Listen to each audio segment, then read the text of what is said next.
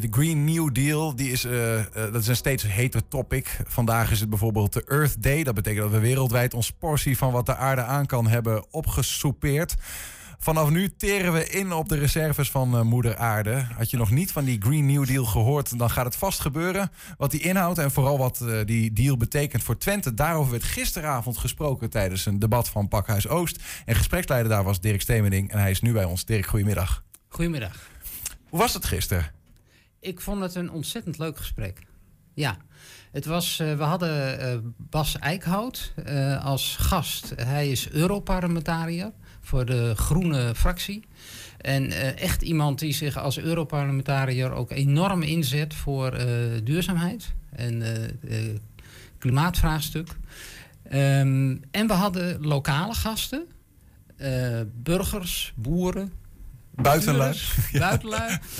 um, die uh, ook uh, op hun manier uh, heel erg betrokken zijn bij, ja, bij eigenlijk vooral de energietransitie. maar ook, ook bij verandering in de landbouw dus. Mm -hmm. En het ging er eigenlijk om van, ja, wat heeft nou dat hele grote verhaal van die Green Deal in Europa wat zich daar ergens in Brussel uh, afspeelt, nou te maken met wat wij hier in Twente aan het doen zijn. Ja, nou ja, misschien moeten we dan eerst even met elkaar vaststellen wat dan die uh, Green New Deal is, of de Green ja. Deal. Hè? Ja. Is dat makkelijk uit te leggen?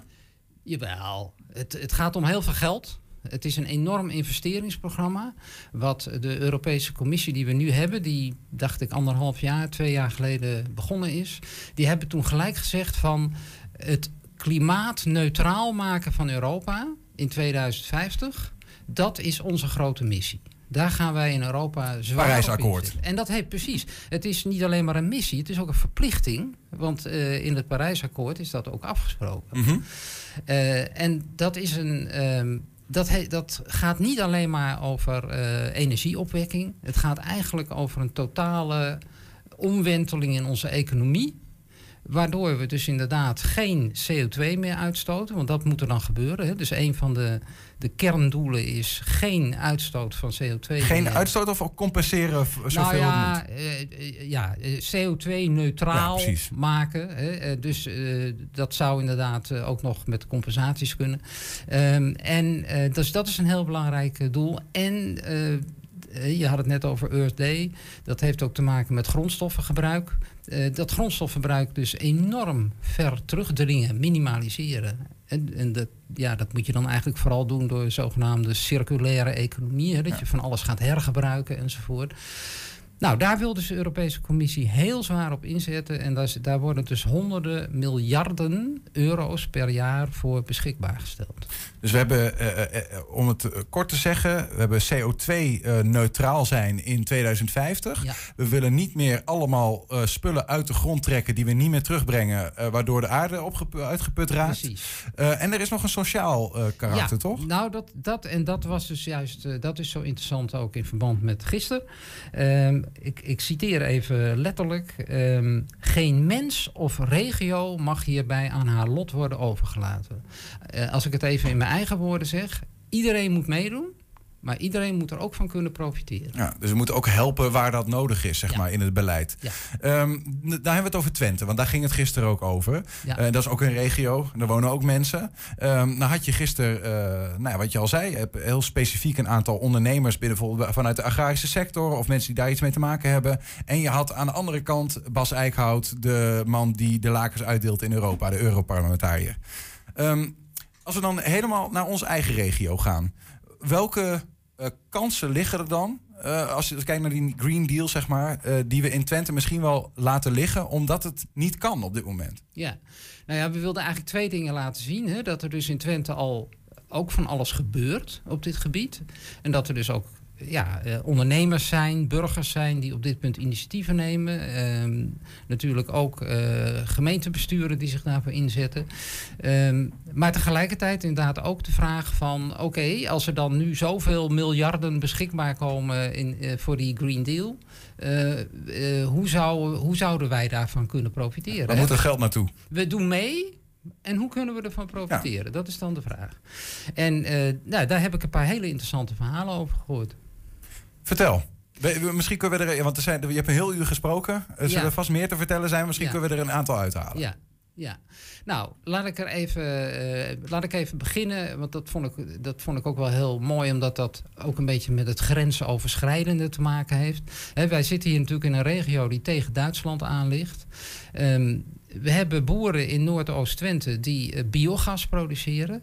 Dat kun je omzetten in warmte. En die warmte die zouden ze in Noordhoorn heel goed kunnen gebruiken. Nou, prachtig. Dan gaan we toch met die warmte... Verkopen die hap. Verkopen die hap, precies. Dus we gaan er dat in. Wat blijkt nu? Als je die warmte naar Noordhoorn wil brengen... Ehm, dan uh, komen alle subsidies die die boeren nu krijgen in het kader van uh, de energie, uh, de, de, de SED heet dat. Dus dat, dat zijn energiesubsidies. Mm um, om juist deze ontwikkelingen te stimuleren, die komen te vervallen. Want oh. dat is een Nederlands verhaal. En zodra je over de grens gaat, mag je die subsidies daar niet meer voor gebruiken. Terwijl je, ze worden dan eigenlijk gestraft uh, omdat ze hun uh, duurzame werk doen. Ja. Maar wel grensoverschrijdend met Duitsland. Ja, dus, dus dan, kun, dan is het voor die boeren niet aantrekkelijk meer om dat te doen. Want dan, hebben ze, dan kunnen ze daar geen verdienmodel meer uh, van maken. En dan houdt het verhaal dus op. Ja, en, de, en dat is waar Bas Eickhout komt in, zeg maar. Die kan daar als Europarlementariër mogelijk wat aan doen. Nou ja, eh, hij kan in ieder geval zijn best gaan doen om daar iets aan te doen. Kijk, om te beginnen bevestigde hij dus inderdaad dat. Ehm, kijk, Europa die zit met een enorme spanning tussen aan de ene kant dingen Europees willen doen en zorgen dat de grenzen wegvallen. En de nationale uh, lidstaten, die ook allemaal toch ook hun eigen autonomie willen hebben. Soeverein willen blijven. Soeverein willen zijn. en als die, uh, als die lidstaten dus uh, subsidies gaan inzetten, dan willen ze dat dat ten goede komt aan hun eigen land. Ja. Aan, dus die willen niet dat die subsidies gaan weglekken naar het buurland. En dat betekent dus dat je dan toch ook iets in Europa moet gaan regelen. Dat juist die grensoverschrijdende subsidies ook mogelijk worden. Zonder dat lidstaten daar gelijk tegen gaan stijgen. Maar dat zijn wel de dilemma's waar zeg maar, ze ook in Europa dan weer mee zitten. Die een uitspinsel, een uitvloeisel kennen bij ons in de regio bijvoorbeeld. Ja, want, want vergis je niet. Hè, eh, het, het, is heel makkelijk om dan te denken. Hoe hebben ze dat nou weer bedacht in Europa? Hè? Waarom kan dat nou niet? Maar Bas Eickhout zegt dan ook terecht van dit, dit zijn de lidstaten in Europa die niet willen dat dit gebeurt. En die geven Europa eigenlijk weer geen ruimte om regelingen te maken waardoor dit soort grensoverschrijdende samenwerking wel mogelijk is. We hebben nog heel kort tijd voor één zo'n zo'n voorbeeld. Heb je er nog één? Van de sojaboer misschien wel. Die, ja, die zeker, vond ik ook wel zeker, interessant. Zeker. Uh, uh, Bart uh, Grobbe hadden wij. die, um, die is bezig om, om zelf als boer soja te gaan verbouwen. Uh, en die wil daar sojamelk van gaan maken. Uh, en dat is, dat is echt uh, heel bijzonder, want wij kennen allerlei sojaproducten, maar al die soja die komt tot nu toe uit het buitenland. Dus we hebben geen sojaproducten of sojamelk van eigen bodem. Dat wil hij dus wel gaan doen. dat is een alternatief voor de koemelk. En daar is ook heel veel voor te zeggen, omdat je dat met veel minder CO2-uitstoot en, en, en, gebruik van grondstoffen kunt doen. En dat wil de Europese Commissie zo graag. Maar hij, hij, mag, hij mag dat niet verkopen als sojamelk. Daar mag geen melk op staan. Want melk is in de, Euro, in de Europese Unie een naam die helemaal voorbehouden is aan de koemelk. koemelk aan de zuivel. Aan de zuivel in traditionele zin. En waarom is dat een probleem voor hem? Nou ja, dat is niet een onoverkomelijk probleem. Maar als je het echt natuurlijk toch een beetje wil vermarkten als een alternatief van melk, zou je er toch ook heel graag gewoon melk op willen kunnen zetten. Ja, dus hij, hij vraagt bij, die, uh, bij deze dan ook weer aan Europa: joh, doe er wat aan. Wij willen gewoon melk kunnen verkopen. Ja, en het gaat nog één stapje verder. Want nu heeft ook de zuivelindustrie heeft er bij Europa voor gelobbyd dat uh, dit soort uh, producten ook niet meer verkocht mogen worden in verpakkingen die zouden kunnen suggereren dat het melkverpakkingen zijn. Wordt ook nog tegengewerkt. Ja, het wordt echt tegengewerkt. Ja, dus er is nog wel werk aan de winkel. Maar er liggen dus ook daar liggen nog gelukkig nog wel uh, kansen die nog uitgepakt kunnen worden. En bovendien hebben we dan gelukkig iemand als Bart Grobbe. En er zijn veel meer mensen die zeggen we worden tegengewerkt, maar we gaan het wel doen. Want we zien hier toch echt wel mogelijkheden voor.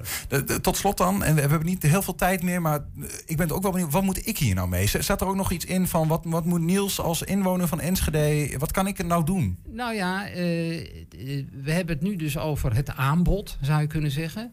Het aanbod van energie, het aanbod van melk. Maar er moet ook vraag zijn. En dat was ook een van de dingen die gisteren aan de orde kwam. Als bijvoorbeeld de Twentse burgers ook echt ervoor kiezen om zo'n heel mooi lokaal product te kopen, dan helpen ze ook om zo'n ontwikkeling echt van de grond te krijgen. Dus koop lokaal. dat is onze rol. Koop lokaal bij de ondernemer om ze uit de coronacrisis te helpen, maar ook om ons uit de klimaatcrisis te helpen. Want het ging ook van boer tot bord. En die afstand die wil je eigenlijk zo klein mogelijk houden. Ja, wat hoeven we niet te vervoeren. En vervoer steekt, steekt weer eh, CO2 in de lucht. Precies. Nou, de cirkel weer rond. Um, het volledige gesprek van Pakhuis Oost over uh, de Green New Deal en de betekenis ervan voor Twente is te zien op het YouTube-kanaal van uh, eh, 1 Twente. En Dirk Stebeding is daar de gespreksleider. Dank Dirk voor je uitleg. Oké, en dank jullie wel voor de uitnodiging.